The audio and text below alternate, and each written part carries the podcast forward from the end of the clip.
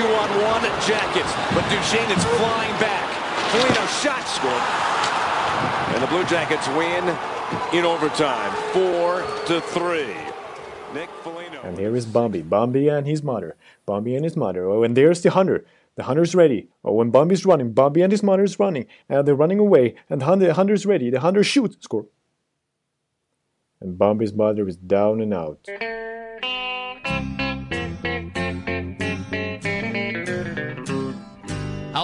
There, we're on the air. It's hockey night tonight. Tension grows, the whistle blows, and the puck goes down the ice.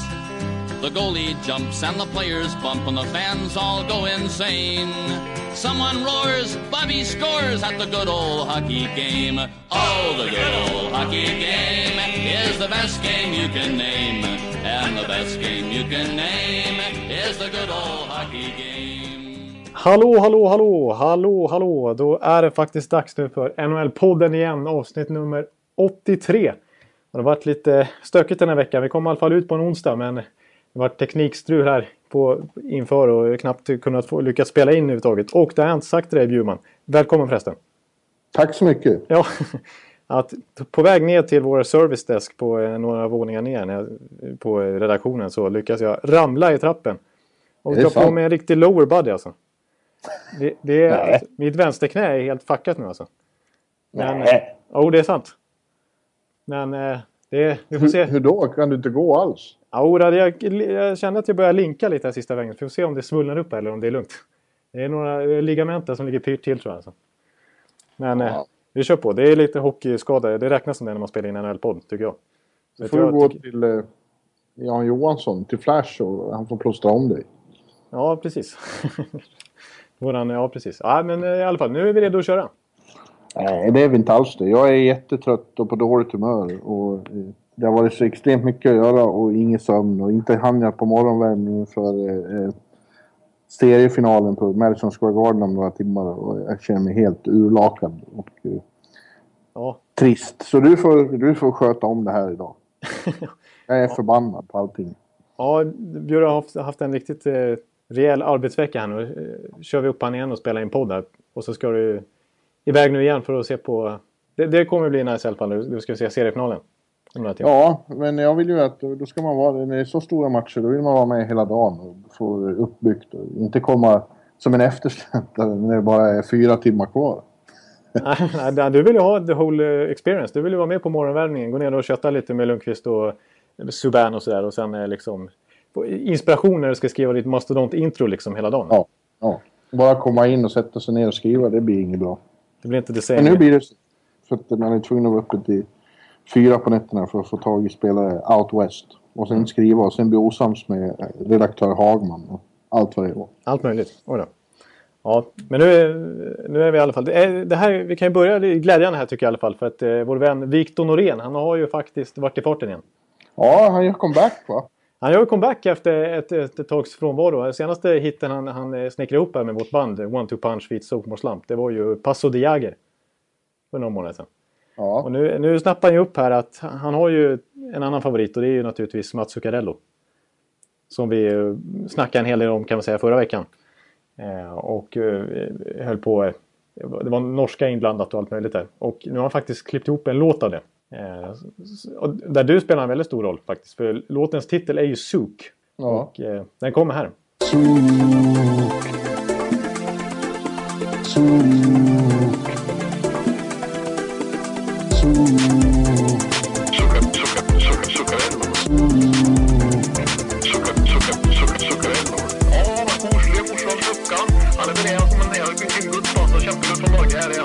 Zuccarello blev first star of the game.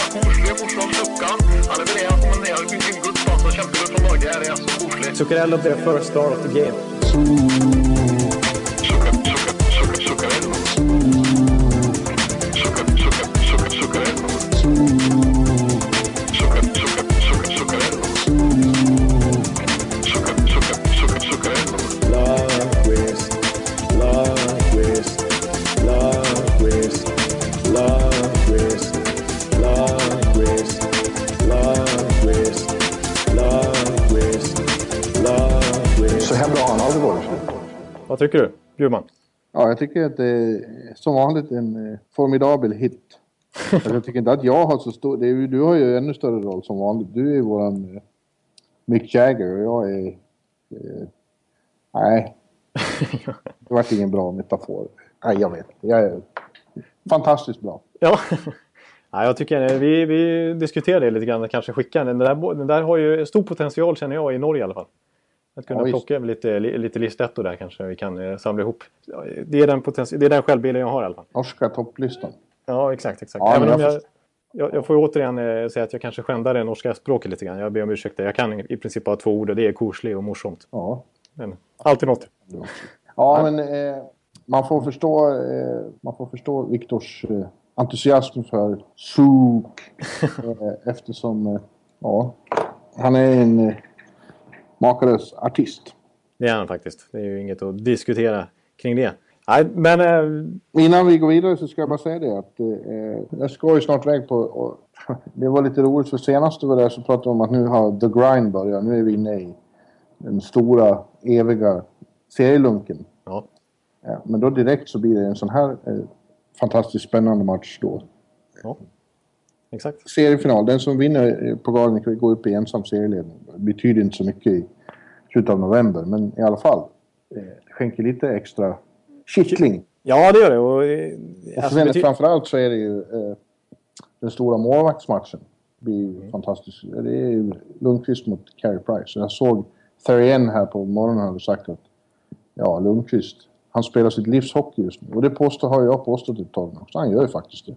Ja, det är inte mycket att diskutera. Det har vi varit inne på också. Det har fått lite ännu mer fäste tycker jag nu i medier, inte minst där borta. Eh, Elliot Freeman ägnade sina 30 thoughts eh, i pre, liksom sina, sina förtankar där lite grann. Eh, kring det här med målvaktsskydden och att Henke Lundqvist faktiskt, som du har pratat med honom om, de här speciella skridskorna han har börjat använda. Mm. Eh, och fler målvakter har börjat testa det här nu. Corey Schneider gjorde det tror jag härom, härom natten och bytte efter en period bara för han tyckte inte det funkade så bra. Om jag rätt. Eh, men Carey Price har också uttalat sig positivt om det här. Så det, Jag tror inte bara det utrustning, men Nej. den har ju varit viktig med... Man ser, man ser med blotta ögat att det går fortare i sidledsförflyttningarna framförallt. Precis, för det är väl det som är den stora grejen med de här skridskorna. Att de, de liksom rör sig snabbare från sida till sida. Att de har, det är ju... Ja, det rör sig inte av sig själv. Man måste, Man måste trycka lite själv också. det är inte Benny Guldfot, om du minns eh, den Buster-serien. Nej, Nej, ja, han hade ett par magiskt. Han var egentligen en usel fotbollsspelare. Men så fort han satte på sig sina speciella gamla antika skor så visste de vad han skulle göra.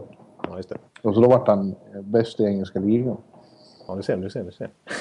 Ja, men, Eh, eh, Men sådana är det inte. Men, men eh, ja, det är fascinerande att se. Det märks också på att eh, ja, när han är så här bra och höll nollan senast då blir det mycket skrivet om Henke Lundqvist.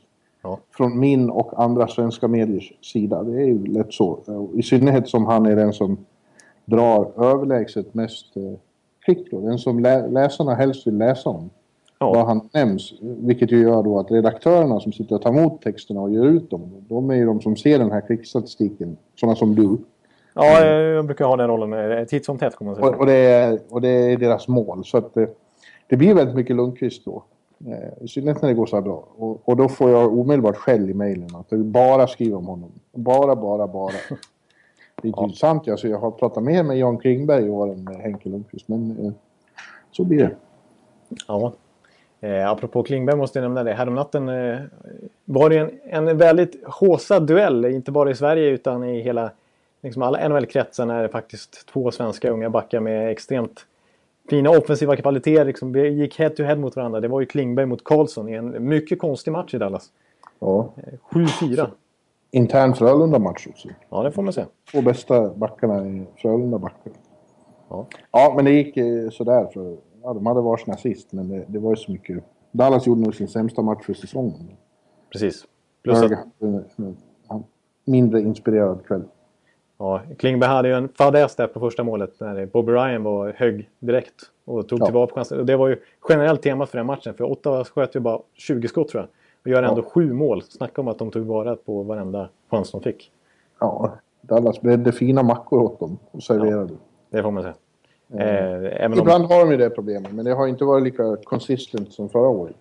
nej, precis. Det var i alla fall en fin double penetration som jag tror eh, kommentatorn slog fast där när Jordy Ben lägger en liksom, eh, vad ska man säga, en... eh, en eh, Ja, det var en lobb.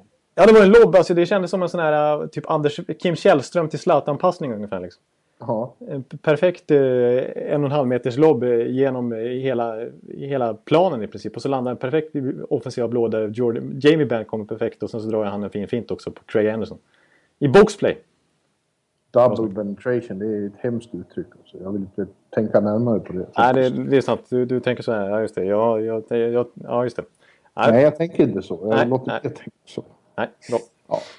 Usch, nu har vi bara snett. Vi, vi går vidare. Men eh, jag ska också nämna från den matchen att eh, Bobby Ryan eh, upplever ju en ny vår. Han gjorde Ja. poäng för, tror jag, eh, nionde matchen i rad eller något sånt. Precis. Förra, förra säsongen så, eh, så snackade vi ju tvärtom om honom. Att han är han är i ett Ottawa som faktiskt gick väldigt bra på slutet. eh, Och liksom lyfte sig ordentligt. Så var ju Bob Ryan fortfarande liksom den slätstrukna stjärnan som inte kom upp i nivå. Som eh, åtta var sista pusselbiten verkligen som... Eller sista ska jag inte säga men... En, en, en stor bärande del av Ottawa som inte fungerar liksom. Och som de måste få igång. Och nu känns det som för första gången nästan sen han den här stora traden från Ducks. Att han, han är... Nu börjar man känna igen Bobby Ryan igen. Alltså. Ja. Eh, och alltså jag, överhuvudtaget Ottawa, det är. Med tre raka nu ligger tvåa i Atlantic Division. Man, man sitter fast lite i idén att nah, de är inte riktigt något elitlag, eller hur? Alla, Ja. det känns som alla tycker så. Men de är nog lite bättre än vi tror ändå. ja, det får man säga. Jag har en teori jag ska presentera där Ottawa är lite, lite delade lite senare på den faktiskt tänkte jag. När Ja, vi kommer in på ett annat ämne. Men jag håller med om att Ottawa är ett lag som går under radarn. Och ja visst gör de. Mm, precis. Och vill, om man jämför med det till exempel Winnipeg som man också underskattar lite så tycker jag att fördelen för Ottawa är att de spelar i den kanske, kanske den svagaste divisionen. Ja, Och det gör ju ändå att de, de ligger ju tvåa nu va? Efter Montreal. Och ja precis. det gör att de har ännu större möjlighet att liksom krypa med långt in ju längre säsongen lider och faktiskt kunna knipa en slutspelsplats. Ja, de får självförtroende och, och får igång spelare som Bobby Ryan, då, då är det ju intressant.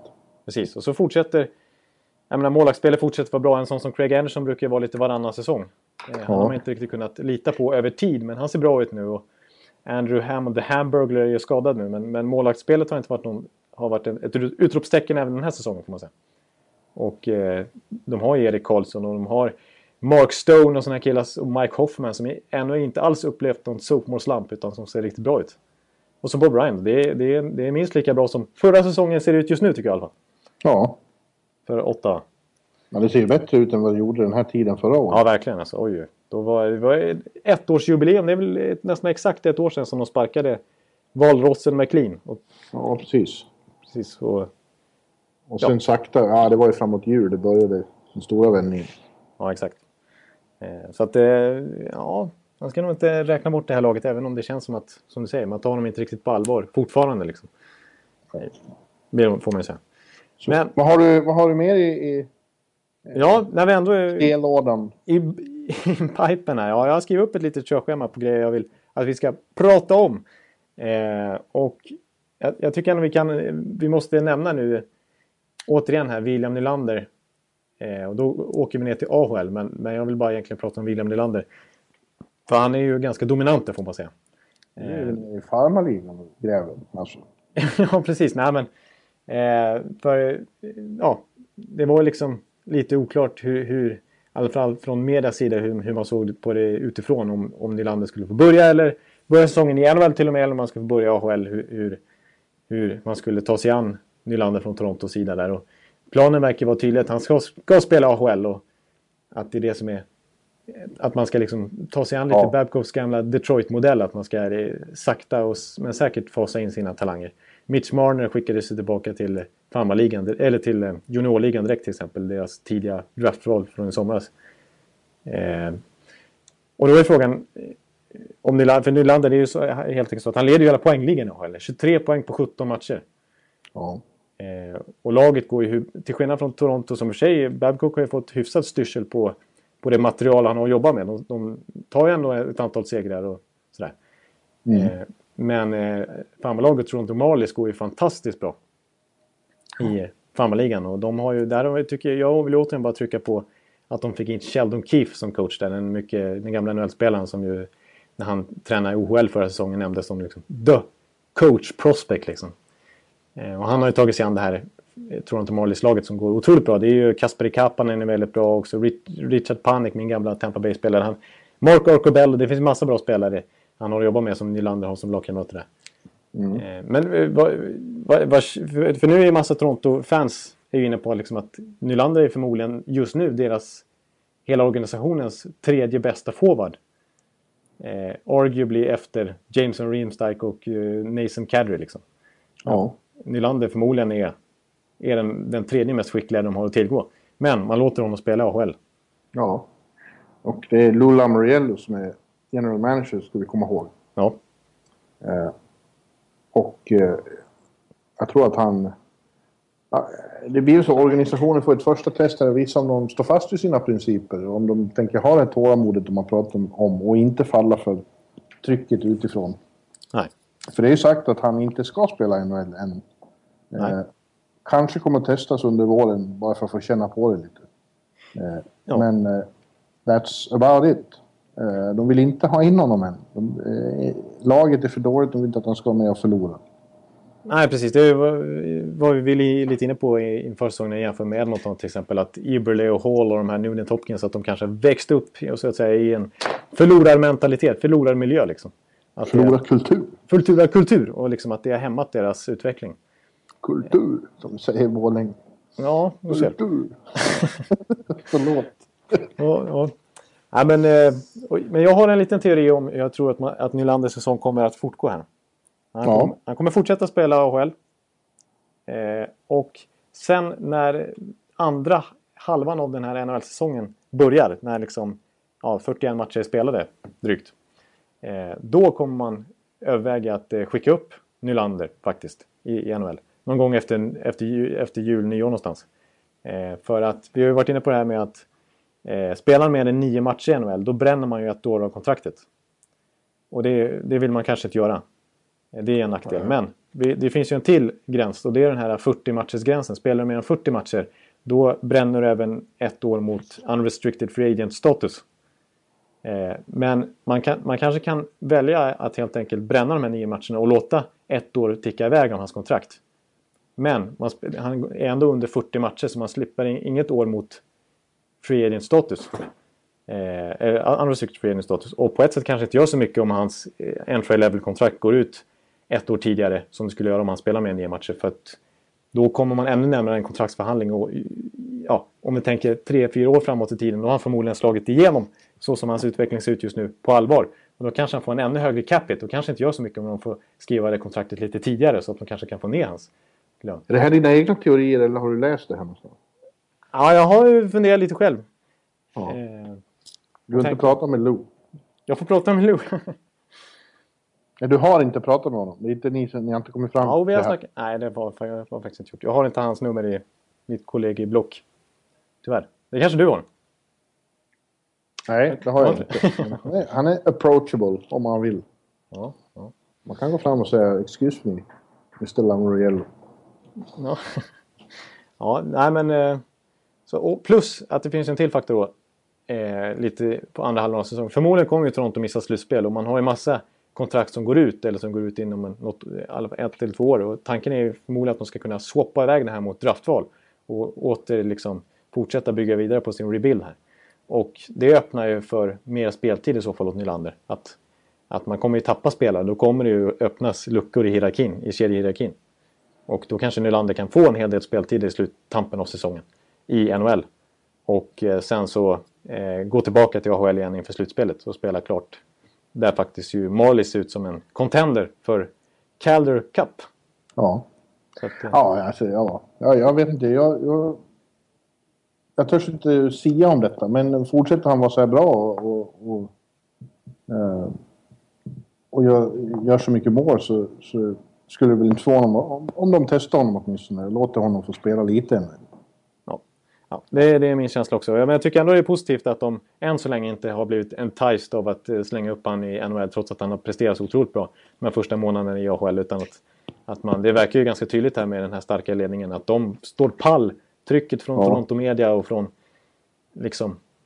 Och än så länge tycker jag också att, att fansen har mottagit det här på rätt sätt. Att de är inne på att, att de har förstått för en gångs skull att, att Toronto inte är så bra som de var på 50-60-talet utan att de, de, de, de ja, det är så här de måste bygga. Liksom. Det är så här de måste behandla sina, sin, sin, eh, sin situation just nu.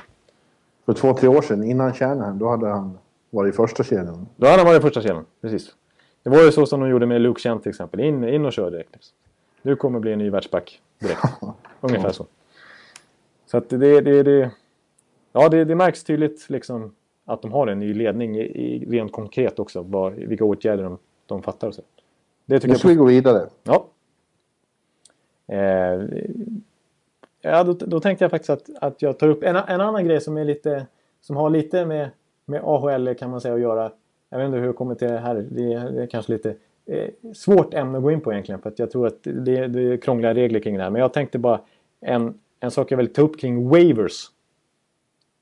Eh, och det handlar ju om att, att jag kanske tycker att, att, waiver, att det är lite för enkelt, i alla fall för backar, att reglementet är, är för... Att man för snabbt blir waiver-tillgänglig. Och att det här hämmar många spelares utveckling. Och det allra, tydlig, ja, det allra tydligaste i år, det är ju, vi kan ta några svenska exempel eh, snart här. Men jag tänkte ta det, det allra tydligaste är ju typ Jared Tinordi som eh, Montreal har som sjunde back just nu som inte får spela någonting. Han har inte lirat en enda match på hela säsongen. Eh, men man vägrar skicka ner honom till AHL för då måste han passera waivers och då kommer han tappa någon gratis. Så att ja. han, är 22-23 år någonting. Han spelar inte en enda minut just nu. Han sitter bara på läktaren och tittar på. Eh, på grund av hur NHLs reglemente ser ut. Liksom. Ja. Eh, men en poäng med waivers är ju också är ju, är ju något som spelarna själva har varit med och förhandlat fram för att man inte ska kunna skickas upp och ner mellan AHL och NHL hur som helst utan att man faktiskt ska få en chans att komma till en annan miljö Ja, de får ju skriva kontrakten på andra sätt. Tvåvägskontrakt och så. Ja. Men... Och, eh, ja, nej, ja, ja, det hjälper ju kanske inte då, nej. Om man har, vad är det? Man, man ska, om man har spelat ett visst antal matcher efter ett visst antal år. Precis, det, det är exakt. Exakt. Jag tror man kan, om man vill kolla in det här exakt, jag kan inte riktigt förklara det på ett eh, begripligt sätt, men det har att göra med, som du säger, med vilken ålder man är i och hur många kontra hur många matcher man har spelat och kontra hur länge sedan det var man skrev sitt första NHL-kontrakt. Sådana grejer väger ju in då när man mm. faktiskt blir waiver eligible. Och då är min poäng i alla fall lite grann att det kanske är lite för... Alltså att man lite snabbt blir waiver eligible och att man hamnar i den här sitsen ja. att man... Eh, att klubben fortfarande ser potential igen och inte vill släppa en men man samtidigt inte riktigt platsar. Eh, och att man då hamnar på pressboxen istället. Ja. Ja, det är såklart inte lyckligt, men det är å andra sidan lätt att förstå att spelarna vill ha det systemet också så det inte blir utnyttjat på fel sätt. Nej, precis. För det är ju risken i så fall att man skulle åka upp och ner mellan NHL och AHL hela tiden. Så att man liksom ja. aldrig riktigt får chansen om klubbarna verkligen kan göra vad man vill med ens karriär. Så att säga. Men en annan som, som uttalar sig väldigt tydligt här idag, eh, när jag läste en artikel på onsdagen, var ju Patrik Nemeth, för han är också i den situationen. Han, ja, han eh, sitter ju på läktaren i Dallas och får inte spela. Han har varit nu på en two week, 14 days eh, conditional stint. Så man, om man har någon skada sen så kan man skickas, lånas ner till, till AHL-laget i två veckor totalt och få spela. Men sen måste man upp igen. Och nu har han kommit tillbaka från Texas Stars och han är ju sjunde, åttonde back någonting. Det är han och Jamie Oleksiak, Oleksiak som är healthy scratches hela tiden för Dallas. Och eh, jag menar, Nemeth han är inte gammal heller. Han är väl 91 Vad har han sagt? Han har sagt att i och med att han... Eh, han var ju skadad i princip hela förra året när han fick den där hemska, ja. hemska skadan i början på säsongen. Han bara lirade åtta matcher och sen var borta. Eh, och nu när han inte... Nu har han fortfarande inte spelat en enda... Eh, ja, han kanske gjort några NHL-matcher och jag vet inte om han har, har blivit dressad någon gång. Men han har sagt att om det fortsätter så här, om jag bara får sitta, då har jag ju slängt bort två år av min karriär. Och ja. det kan ju vara liksom förödande för hans, hans, ja, för hans NHL-karriär så att säga. Eh, ja. För det här är en jätteviktig utvecklingsålder för honom. Vart var, var, har han sagt det? Till vem? Eh, alltså jag läste det på en... Om, det var på, om det var Mike Heika eller om det var någon Dallas-blogg i alla fall. Där det var en lokal Texas liksom, blogg jag läste det på. Ja. Och eh, ja, men han är, han är också i just den här situationen. För att, visst, han är ett trade bait nu för Dallas. De skulle ju kunna skicka iväg men samtidigt så är de också vulnerable för skador till exempel. Då är det ju jätteskönt att bara slänga in Nemeth där. Men just nu så tar han inte plats. Och ja, då, då, då, då spelar inte Nemeth hockey trots att han bara är 22-23 år. Liksom. Ja, det är olyckligt. Eh, vår vän eh, Rundblad har haft lite samma situation i många år. Ja, precis. Eh, för precis, det, det är samma sak där. Han, han eh, skulle... Ja, skulle nu... För Chicago vill väl säkert för hans del också att han ska spela, eh, spela matcher nu. De skulle, skulle nog gärna skicka ner honom till AHL. Eh, men det kan de inte göra för då, då kommer någon förmodligen plocka upp honom på waivers. Liksom. Ja. Så att då blir det ju att han bara sitter och tittar på istället. Och det, Ja, ja. Jag hör vad du säger och, jag, och det låter som något man skulle försöka göra något åt, men eh, det verkar svårt också. Ja, lite så. Vi, vi, i, I Rangers där som du följer på nära håll så har vi också, jag menar en sån som Emerson Eatem sitter ju mycket på läktaren nu. Han är också 22-23 år och känns ju som en lovande spelare men han utveckla, ut, lär ju inte utvecklas någonting när han bara sitter och tittar på. Men eh, Rangers som har tradat till sig honom med där Carl Hagelin-traden, de vill ju absolut inte riskera att tappa han på waivers. Så Nej. enda alternativet är ju att, att han får sitta där och titta på. Liksom. Om han nu inte platsar i laget. Så att, eh, ja, alltså, jag tycker Men de fram- måste, ju, de måste ju ha reserver också, så är det ju bara. Ja. ja, så är det ju. Så funkar ju. Så är det ju i alla sporter. Så är det i fotboll också. Liksom. Man måste ha en bred bänk. Liksom. Ja. Och titta bara på har kommit ingenstans. Det är ofta också unga spelare som inte har riktigt hunnit, hunnit slå igenom. Liksom. Eh, Men som det finns potential och kapacitet i. Så att det, det är ju ett system som... Det, det är väl någonting man får brottas med. Men, men jag tycker ändå kanske... Jag tycker ändå att det är lite för tidigt att 22-23-åringar, framförallt på backs, backsidan där det tar längre tid att utvecklas. Det är, vi brukar ju komma, vara inne på det att backar behöver... De slår kanske inte igenom förrän de är ja, uppåt 24-25 år någonstans. Men, en sån som Mattias Ekholm till exempel fick ju åka tillbaka igen och till, till Brynäs och liksom ta, något, ta något år där och sen komma tillbaka igen innan han verkligen slog igenom. Alltså, det, Ja. of, ofta är det en lite längre inf, infasningsperiod för backar. Och, eh, jag tycker att är man 22-23 år så ska man inte riktigt vara waiver-tillgänglig än. Utan jag tycker åtminstone ska jag utöka med ett år för eh, waiver eligibiliteten. Ja, okej. Ja, vi ska framföra det till eh, ja, eh, Batman och Bill Daley. Bill Daley. Så Ja. se vad de säger. Om de lyssnar på Jonathan Ekeliv den här gången. Den, den tunga rösten Jonathan Ekliv som ju ofta får sin vilja igenom där nere i Boca Raton. Ja. Så är det ja, nu ska de träffas i Pebble Beach, Ja, just det. Kalifornien. Jag kanske ska dra dit då. Ja, det skulle vara något. Ja. ja. A lot can happen in the next three years. Like a chatbot may be your new best friend. But what won't change? Needing health insurance. United Healthcare Tri Term Medical Plans are available for these changing times. Underwritten by Golden Rule Insurance Company, they offer budget friendly, flexible coverage for people who are in between jobs or missed open enrollment. The plans last nearly three years in some states, with access to a nationwide network of doctors and hospitals. So, for whatever tomorrow brings, United Healthcare Tri Term Medical Plans may be for you. Learn more at uh1.com.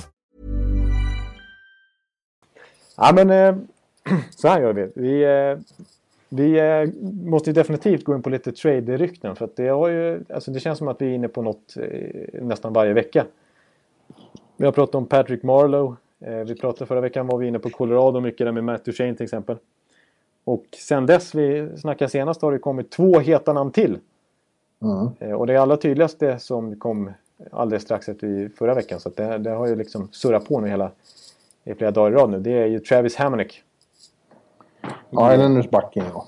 Men han är, det är ett väldigt speciellt case. Ja, För han har ju bett om att bli tradad, men han vill bara bli tradad till västra Kanada. Eller i närheten för att, eh, av familjeskäl. Man vet inte exakt vad för slags familjeskäl, men eh, han, han, han, han förlorade sin pappa när han var tio år och det har ju präglat honom väldigt mycket. Han har ju gjort saker för, för föräldralösa barn i New York här och så. Ja. Det var en väldigt viktig del av hans identitet. Och- nu är det något mer med familjen som är väldigt hemskt att tycka. Vi, kan inte spekulera i vad. Men han vill vara nära familjen. Och eh, Garth Snow jobbar på att försöka få till det här. Och har gjort länge då tydligen. ja precis. Det ryktas ju om att eh, flera klubbar hade kännedom om detta redan i somras faktiskt. Ja. Och Men det är ju inte som, man har ju hört här att det låter som att alla eh, klubbar i hela ligan eh, vill erbjuda något. Men eh, det är ju inte aktuellt. Han, han, han vantrivs inte i, på Long Island, eller i Brooklyn utan han vill, han vill närma sin familj. Precis, och det är, ju, det är ju faktiskt, det här är inget vi sitter och bara spekulerar kring utan det, det, det intressanta är ju faktiskt att han bekräftade här i, i liksom intervjun nyligen att, att han, eh, ja det är så här det ligger till. Jag, jag, vill, jag behöver flytta närmare min familj liksom och då är det... Han är ju från Winnipeg så att det är ju, eller där ja. i trakterna i Manitoba så att det är ju, det är ju västra Kanada som gäller. Eh. Gus Snow vill ju hjälpa honom men han vill inte ge upp honom hur som helst. Han är en viktig eh, byggsten i, i Islanders-bygget. Exakt, precis. Det är ju en jättebra back det här som har, sitter på ett jättebra kontrakt. De har han uppsignad till 2020 tror jag. Han har under 4 miljoner i cap hit och är ju en högerskjutande back som är en hot commodity i hela ligan liksom. Ja. Och eh, han är väldigt, väldigt pålitlig defensivt och har samtidigt hyfsat spelsinne liksom. Han kan ju sköta upp spel och transportera ut för, fina första pass ur egen zon. Det är, det är ju en kille de håller i handen som kan spela men han är ju definitivt där uppe bland... Det är ju liksom Boychuk, Leddy och Hammonick som är deras, deras, deras försvar kan man säga. Ja. Och eh, det här är ju en spelare de absolut inte vill bli av med själva. Nej, men eh, de är ändå eh, eh, sensitive to det hela liksom. De förstår honom och vill hjälpa till. Ja, och det är ju det är fint så. Samtidigt så tycker jag det är kul, liksom, eller det är bra konstatera att, att Hammonick också är väldigt förstående mot vilken sits han sätter, han sätter Gord Snow i här. Ja. Att, eh, han, han är, det har han också sagt att han, han trivs bra i Islanders och han är definitivt beredd liksom, han, han förstår businessen och att han, han, för, han får acceptera om han måste stanna resten av den här säsongen åtminstone. Ja. Eh, och eh, ska jag vara lite bitter då så, så, vet ju jag hur, hur det var till exempel när en liknande situation för Tampa när Marty St. Louis helt plötsligt eller helt plötsligt kan jag inte säga, men det, var, det växte fram lite också. Men han satte ju i Tampa i en väldigt svår sits när han krävde att bli tradad till just New York Rangers nu. Liksom. Ja. Hade... men det var ju en eh, skillnad på den situationen. Ja, det får man ju säga. Det var ju konflikt bakom det. Ja, ja precis. Tyckte, han var ju förbannad på alla inblandade där. Ja, så kan man säga. Ja. Men... Eh, Hatar du honom fortfarande för det? Nej, det, jag har ju kommit till försoning med, med Saint-Louis. Det har jag gjort. Ja, hans ja. tröja är framplockad ur garderoben igen. Den låg ju ihopknögglad eh, där. Men du tyckte inte det var kul under konferensfinalen i fjol? Nej, då var vi inte så goda vänner. Men, då, då låg han inte bra till. Då hade jag palattröjan på istället. Ja. Så, ja. Men eh, eh, ja, det, det, det är ju naturligtvis så börjar ju snurra väldigt mycket rykten kring Hammonick och vad som är en fit och vilket lag som skulle verkligen kunna tänka sig att, att trada för honom nu. Och det är ju många lag som naturligtvis är intresserade. Och Islanders, det verkar ju... I och med att de inte vill bli av med honom så är de... De vill ju egentligen ha en rak ersättare i så fall. Alltså de vill ju ha en, en ny... Toby Enström? Toby Enström, ja men det är... Alltså från, från eh, just Winnipegs sida som ju borde vara den bästa liksom, för Hammondicks del. Det ultimata eftersom att han är, det är därifrån han kommer. Mm. Eh, så ja, då är det väl... Och det som är lite prekärt för, för Winnipeg kanske också det är att eh, Dustin Bufflin som kanske är deras första back. Han har ju sitter på utgående kontrakt. Eh, så då är det liksom, ja, jag vet inte. Men det är ju i så fall Jacob Troba eller kanske, ja det är väl Jacob Troba eller Tyler Myers, jag vet inte. Om man skulle kunna, ja. rakt av. Varför inte Toby då? Toby, ja men Toby, dels så tycker jag att han har börjat tappa lite grann och dels så är ju en helt annan ålder på de två. Och ja. eh, och Enström har ju lite högre cap hit och sådär också. Men han har inte börjat tappa något. Han, är inte, sam, han gör inte Nej. lika mycket poäng längre. Men eh, om du frågar dina vänner som eh, Victor Hedman och sådana. Ja. Då säger de att han är ligans mest underskattade. Ja, jag kan förstå det. Precis. Men han stirrar sig lite blind på poängskörd och så här, att han, när han, att när han kom fram i NHL så var han ju en offensiv back. Ja. Men nu har han verkligen sadlat om lite och blivit en, en, alltså, en, framförallt en väldigt duktig defensiv back. Och det går, det går trade-rykten även om honom. Ja. ja. ja jag, jag pratade med min Islanders-polare här. Som jag brukar nämna ibland. Eh, Johan Wennerström. Som frekvent twittrar om Islanders och sådär. Mm. Han, om han skulle välja någon spelare. Han tycker den här situationen är jättesvår också naturligtvis. För han vill ju inte bli av med Hamrick Men han är också förstående för den här sitsen. Märkliga sitsen. Det är i så fall är det ju Troba liksom som man kan tänka sig att göra en rak switch för. Och då är frågan om Winnipeg går med på det. Och än så länge så är det ju liksom...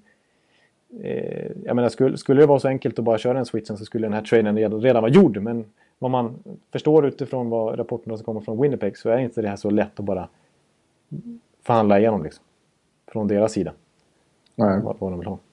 Eh, ett lag som, som framförallt nämns vara intresserade, det är ju Edmonton. För de behöver ju verkligen backar alltså. Eh, riktigt förstärka på defensiven. Men eh, de är ju inte, de är ju inte egentligen intresserade av att släppa typ Darner Nurse eller Klefbom. De vill ju snarare addera till dem. Liksom. Ja, precis. Eh, för, Ja, exakt. Klebom har ju nämnts som ett, eh, nå, någonting som Islanders kanske skulle tänka sig. Även Nurse. Ja, det låter som en knivig situation det hela. Ja, precis. Jag, jag tycker det är lite intressant där, men det, det, vår vän eh, Wennerström han var inte helt inne, inne på att det, att det var en bra lösning. Eh, Det var faktiskt, och det är ett rykte som har seglat upp den senaste dagen också, det är ju Jordan Eberly och kanske Mark Fein eller Justin Schultz. Att Ja. man skulle få in Eberly, för på ett sätt skulle det vara nyttigt för, för Islanders. För grejen är ju att de är, kommer förmodligen, som det känns i alla fall, att tappa och Poso efter säsongen. Eh, och att Eberle skulle kunna bli en ersättare att fylla, fylla det hålet istället eh, på sikt för att eh, eh, och Poso har, är ju väldigt underbetald just nu. Han känner, känner, har ju bara 2,8 miljoner capita. Och han är i sin prime och han vill ha sitt stora karriärskontrakt nu. Han, det snackas om upp mot 7 miljoner dollar per säsong. Och, Herregud. Är han, det är han väl inte värd? Nej, men de siffrorna. Och han vill ha term, han vill, liksom, han vill ha sitt kontrakt. Han tycker att nu är det... Ja, nu har han suttit och tjänat för lite här nu ett tag. Nu ska, nu ska han få lite kompensationen. Nu, nu, ja, han, vill ha, han vill maximera liksom. Good luck.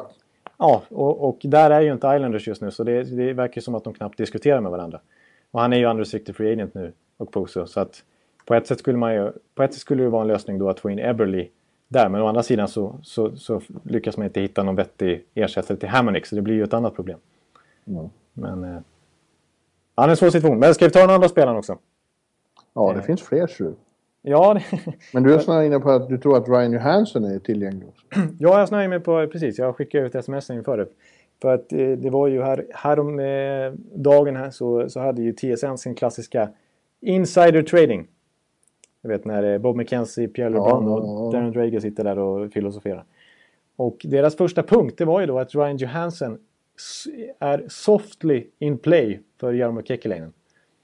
Att eh, poängen var då helt enkelt att eh, ja, det är inte så att Jarmo Kekkeläinen ringer runt och bjuder ut Ryan Johansson. Däremot så lyssnar han på telefonsamtal. Han lägger inte på direkt utan han är intresserad av att höra andra klubbars bud. Ja. För, eh, vi vet ju att Ryan Johansson och liksom att dels så är väl relationen med ledningen inte så här hundraprocentigt fantastisk även om det är ing- inget de säger uttryckligen att det skulle vara att det skulle ligga Jaha. dåligt till. Men vi, vi kommer ihåg... De sa ju nästan det när förhandlingarna pågick om sista kontraktet. Tyckte John Davidson att det var utpressning från... Ja, just det, just det. Så var det tydligen. Ja, det, det kommer jag ihåg. Det var ju stora rubriker då. Utpressning. Ja, exakt.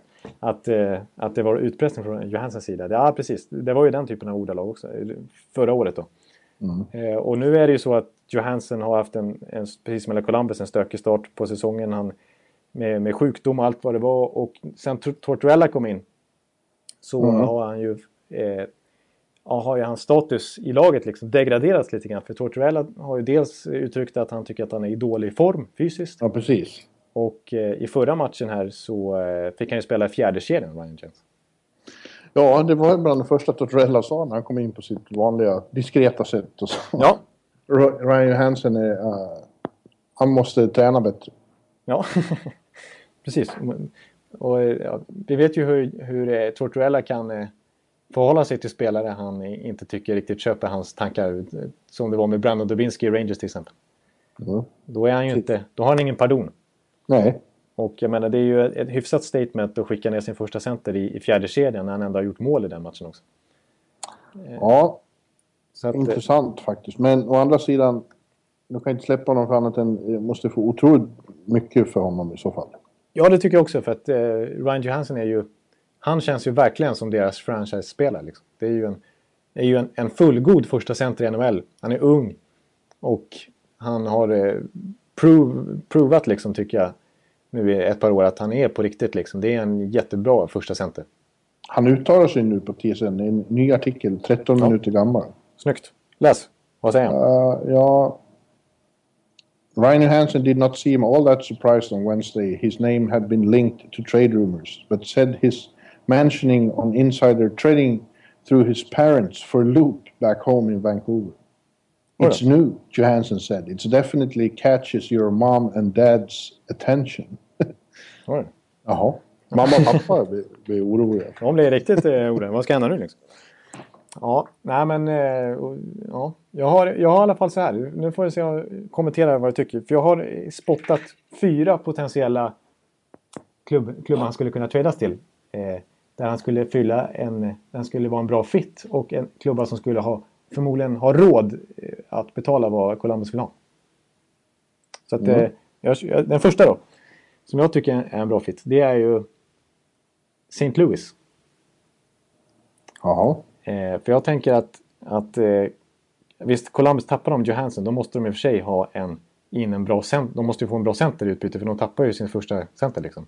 Samtidigt så, så, så är de ju verkligen i behov av en bra back. Eh, det är ju, där är ju deras svagaste lagdel. Liksom. Eh, och St. Louis de sitter ju på, de har ju om möjligt ännu bättre backuppsättning i år här. Dels har de ju Bowmeister Peter Angeli, Peter Angelo backparet. Sen har de ju Shattenkirk. Ja. Eh, vars kontrakt ganska snart går ut och då kommer han vilja ha en ansenlig löneförhöjning. Sen har de ju då Colton Pareko som har slagit igenom med dunderbrak. Eh, Eh, och även Joel Edmondson som har lyckats ta en plats här och känns väldigt spännande. Och Kalle Gunnarsson. Så att de har ju, de har ju råd att offra en riktigt bra back. Och fortfarande känns det ju som att nu är i och för sig Stasny tillbaka och Stasny är ju deras förhoppning om att han ska bli deras riktiga första center. Men det känns ju fortfarande som att det kanske är att det, att det är, alltså skulle de få, skulle de ha liksom få in Ryan Johansson. Alltså då har vi ju Ryan Johansson, Tarasenko, Alexander Sten. Det är ju liksom Jamie Benn, Patrick Sharp, Tyler Seguin-klass på den. Ja. Så att, eh, ja. ja, Förutsatt att han fungerar där. ja, exakt. Men eh, det, det, det tycker jag är en, en, en trade som skulle i alla fall göra St. Louis bättre. Och skulle, jag menar... Ja, vad skulle de släppa? De måste Ja, släppa men antingen- Riktigt ordentligt. Ke, anti, alltså Kevin Shattenkirk skulle kunna vara en del då. Men det är en av deras allra bästa backar. Precis, så det är ju nästan en... Jag tror inte de. Jag, tycker de, jag tror de tycker att de har eh, potential så det räcker. Ja, nu är Stasny tillbaka efter skada också. Ja, jag tror att det är overkill för, för St. Louis. Lehtere och Colton Pareko mot Ryan Johansson. Ja. Nej, ja, break. Varför skulle de ge upp honom för? Framtida superback? Jag vet. Min favorit. Nej, nej, jag tror inte på den traden. Jag tror Den att det är overkill för St. Nej, Louis. den, den steker vi. Mm. Den sket sig. Det, där la Jarmo Kekalainen på. Men ska du gå igenom fyra trader så här ingående? Nej, inte så där ingående kanske, men jag, jag, jag presenterar nästa här då. Ja, säg vilka tre det är. Ja, eh, ja, nästa är ju Nashville. Ja, De skulle verkligen behöva en första center Ja. istället för Mike Ribeiro. Mm. det skulle de verkligen behöva. Eh, och då, då, nu, nu har ju den här bristen på centra blivit lite... Om det nu är det som är det stora problemet, men det känns ju så. De har ju blivit nollade tre matcher i rad. ja, exakt. 0-4, 0-4, 0-3. Det är inte bra. Nej, det är inte bra. Det är inte bra. Jag tycker i och för sig att de har hyfsade tendenser i matcherna och de, de, de skjuter ju mycket. De, de, de har ju offensivt spel, men de... Ja, till exempel matchen du var där på mot Rangers så tyckte jag de spelade bra, men de, då var ju Lundqvist fantastisk. Ja. Eh, Men visst, då, då, det fattas Det är ju inget snack om att deras ryggrad, som man ändå får kalla centerpositionen, den är inte så stark. Den är inte contendermässig riktigt. Eh, Så att där skulle ju Ryan Johansson verkligen vara en, en riktig första center. Ta den platsen direkt. Och, men då skulle de behöva ge upp Seth Jones. Ja, Men det kanske är Ja. värt. De har ju Josie och Webber och Ekholm och sådär. det kanske det är. Det tycker jag låter mer troligt i så fall än, än, eh, än St. Louis. Ja. Nästa, nästa är ju Calgary. Mm. Eh, De har ju backar så det räcker över nästan för att kunna locka en riktigt eh, bra första center. De har ju i och för sig Sean Monahan. Men eh, jag tänker TJ Brody till exempel. Skulle kunna vara en utgångspunkt i en trade. Ja. Eh, det skulle ju verkligen eh, det skulle ju vara en, en riktig första, första back för, för, Calgary, för Columbus. Men sen, sen, sam- samtidigt tappar de Johansson så vill ju de förmodligen ha någon slags center tillbaka också. Ja. Eh, och sista laget. Eh, den här är lite svår också, men det, då har jag faktiskt skrivit upp eh, New Jersey Devils. Ja. ja, det har ju gått rykten förut om att de vill ha Adam Larsson Ja, precis. Exakt. i Columbus. Så att jag, jag hävdar då att typ Adam Larsson och Pavel Sacha, alltså han som de draftade, centern från Tjeckien som de draftade som nummer Ja. sex totalt i somras. Nej, jag tror inte, jag tror inte New Jersey är intresserade faktiskt. De lägger på. Ja, de, de två framtidsnamnen vill de ju ha kvar. Ja. Det vill de. Men, Men det är ett annat namn som faktiskt... Nu när Gallagher varit skadad i, i Montreal, blir borta Ja. sex veckor. Mm. Så ryktas det om att de är ute efter eh, en ersättare och eh, som jag har hört så är intresset stort för Patrik Hörnqvist. Alltså, ja, det har jag inte sett så mycket av själv faktiskt. Nej. Nej, jag har bara hört det through the grapevine. Ja. Och eh. Pittsburgh är ju ute efter backar. Ja, Och där sitter ju Jared Tenordi till exempel. Och har inget att göra. nej. Så, så det är lite intressant. ja. Ja, ja, precis. Eh, det låter inte helt omöjligt. Och det sa ju faktiskt, det var ju Elliot Friedman inne på i sin, sina 30 thoughts här. Och också att, att watch out för Montreal Canadiens. Mark Bergevin är aktiv i telefonen nu. Eh, och att de ser en liten time frame här för att kunna vinna Stanley Cup. För att om, om, bara, om det är 2018 tror jag så går både Pacioretty och Carey Price kontrakt ut. Och de kommer få ansenliga löneförhöjningar som ställer till det för resten av lagbygget att, att kunna ha ett lika bra lag. Så att de måste passa på att vinna nu. Och eh, då kanske de eh, börjar sticka på lite uppgraderingar eh, faktiskt på tradefronten. Så att det låter helt rimligt tycker jag. Faktiskt. För som du säger, Gallagher är borta nu ett, ett bra tag. Det är ett, ett, det är ett hårt slag för dem. Och Hörnqvist är ju lite liknande spelartyp också. Så att, Ja. eh, Ja, eh, och, ja, jag tror alla lag vill... Ingen har något emot att ha en sån slottemaskin framför kassen. nej. En liten eh, Thomas Holmström nästan. Ja, precis. Han kan stå och styra in eh, Subans skott. Ja, exakt. ja. Nej, men där, där tyckte jag var Och jag, eh, jag, vill, jag, vill ju ha en svensk, i, en svensk profil i, hos Habs. Så Ja. att du kan åka dit. Ja, jag vet. Du tri- trivdes bra den, ditt besök där i Bell Center. Ja, men Bell Center är ju... det är ju mäktigaste arenan. Man man vill ju dit. Jag har ju egen erfarenhet av det också faktiskt. Ja, faktiskt. Och eh, vår vän på Twitter och, eh, som jag tror är, ibland eh, håller till i din eh, blogg där också, Svenska fans. Dan Augustsson.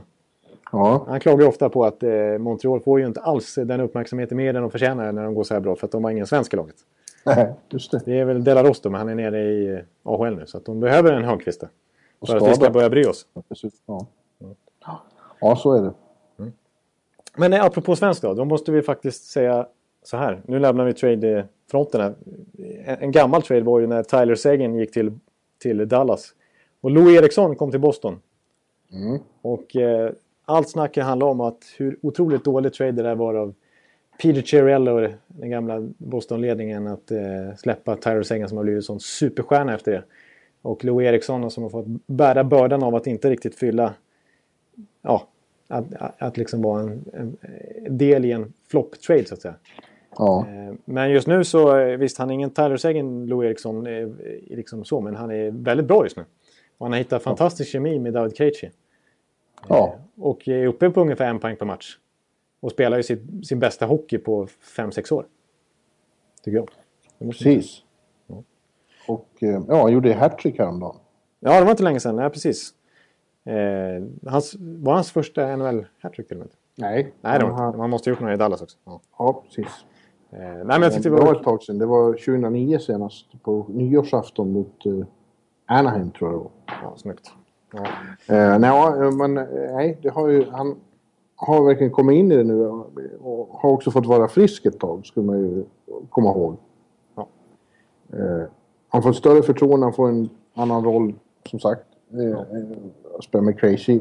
Men eh, hans stint i Boston har ju förstörts av de här eh, hjärnskakningarna.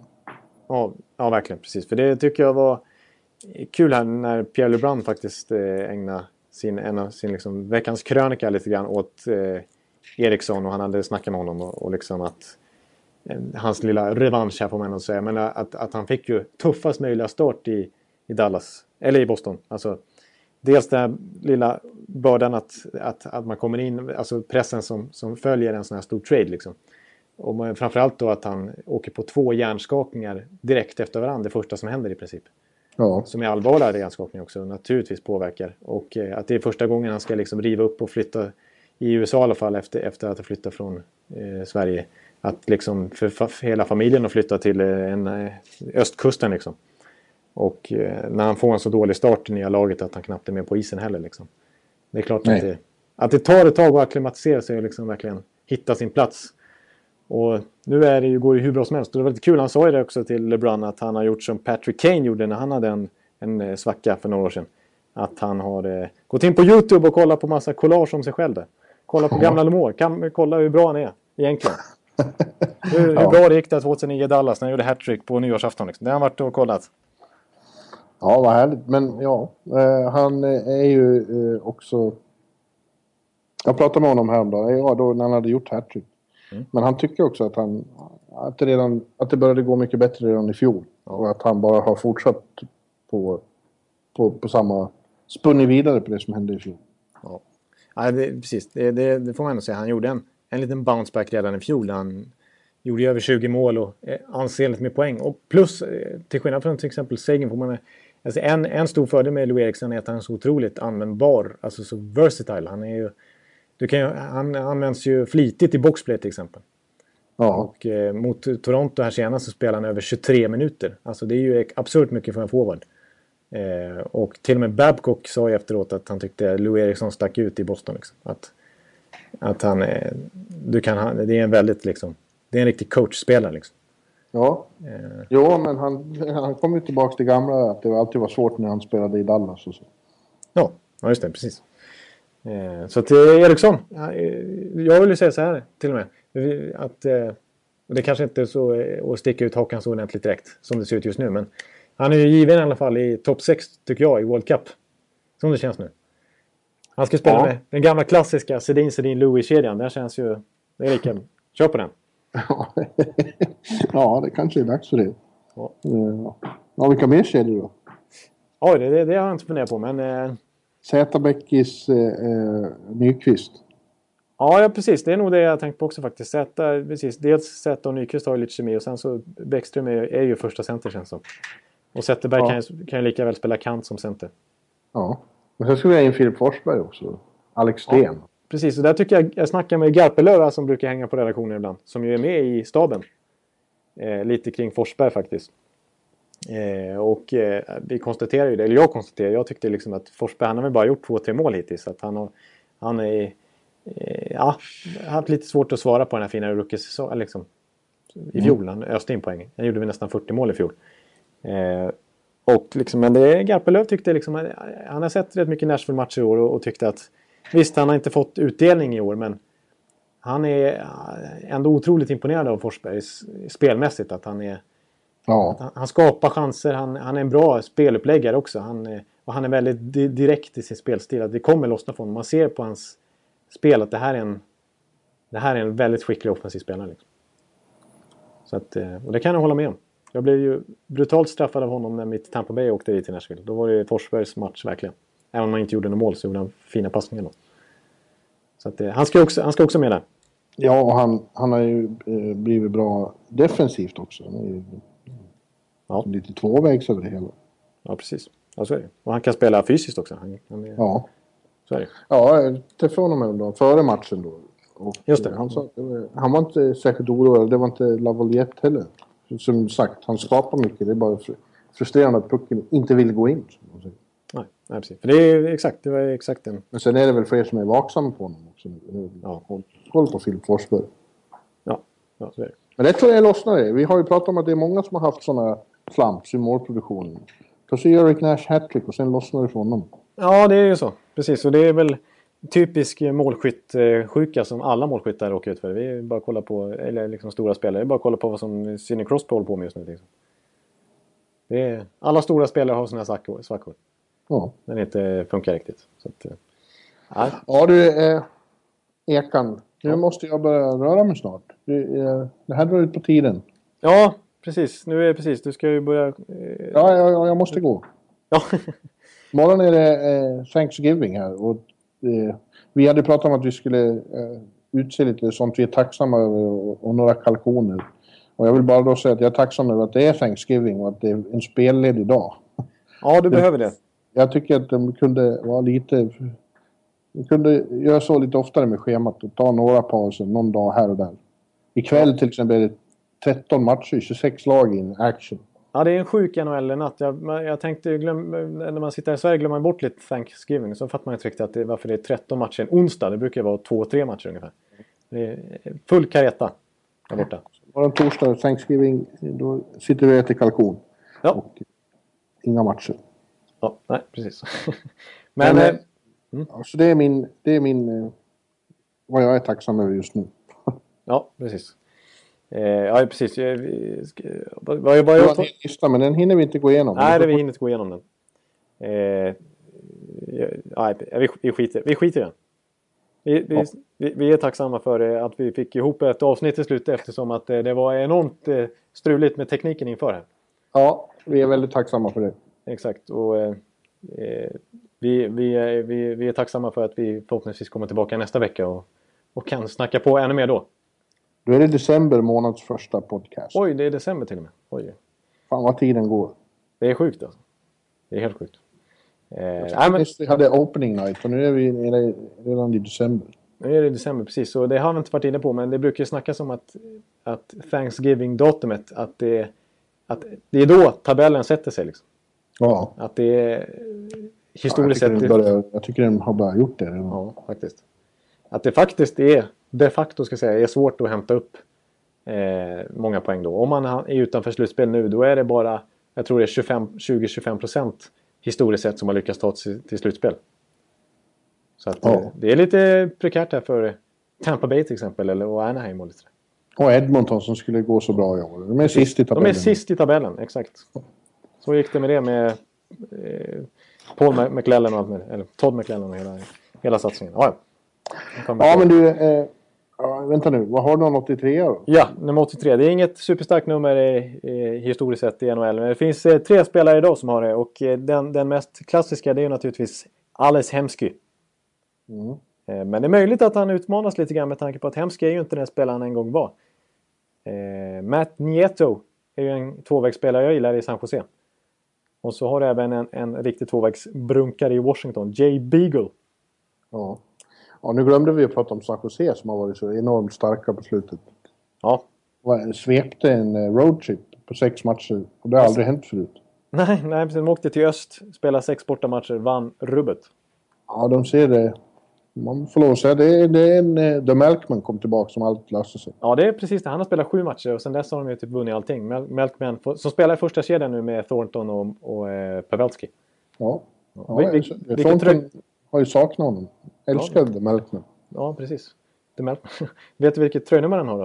Eh, Melker Karlsson. Ja, han har 68. Ja, precis. Det sätter ju det som en smäck. Det är ju Jagger-numret. Det är ju Ja. bästa nummer som finns. Ja. Så är det bara. Han säger att han har inte med det att göra. Han bara fick det numret. Ja, man fick det. Ja, men det är klart. Stora spelare ska ha stora nummer. Fina, fina återvärda nummer. Ja, men du, då ber jag få önska Happy Thanksgiving. Ja, tack så mycket. Jag önskar dig detsamma. Det ska, jag unnar dig lite, lite sovmorgon faktiskt. Ja, Och lite eh, tid till annat än eh, det här vi älskar mest av allt Först- egentligen. först ska vi igenom den här 26-lagskvällen. Ja, ja, precis. Du har lite jobb framför dig först. Ja. Ja. Ja. Och nu ska jag gå till Garden och se på seriefinal. ja. Jag önskar, Eh, ha så gott och ja, igen. Happy Thanksgiving. ja, happy Thanksgiving! Suk!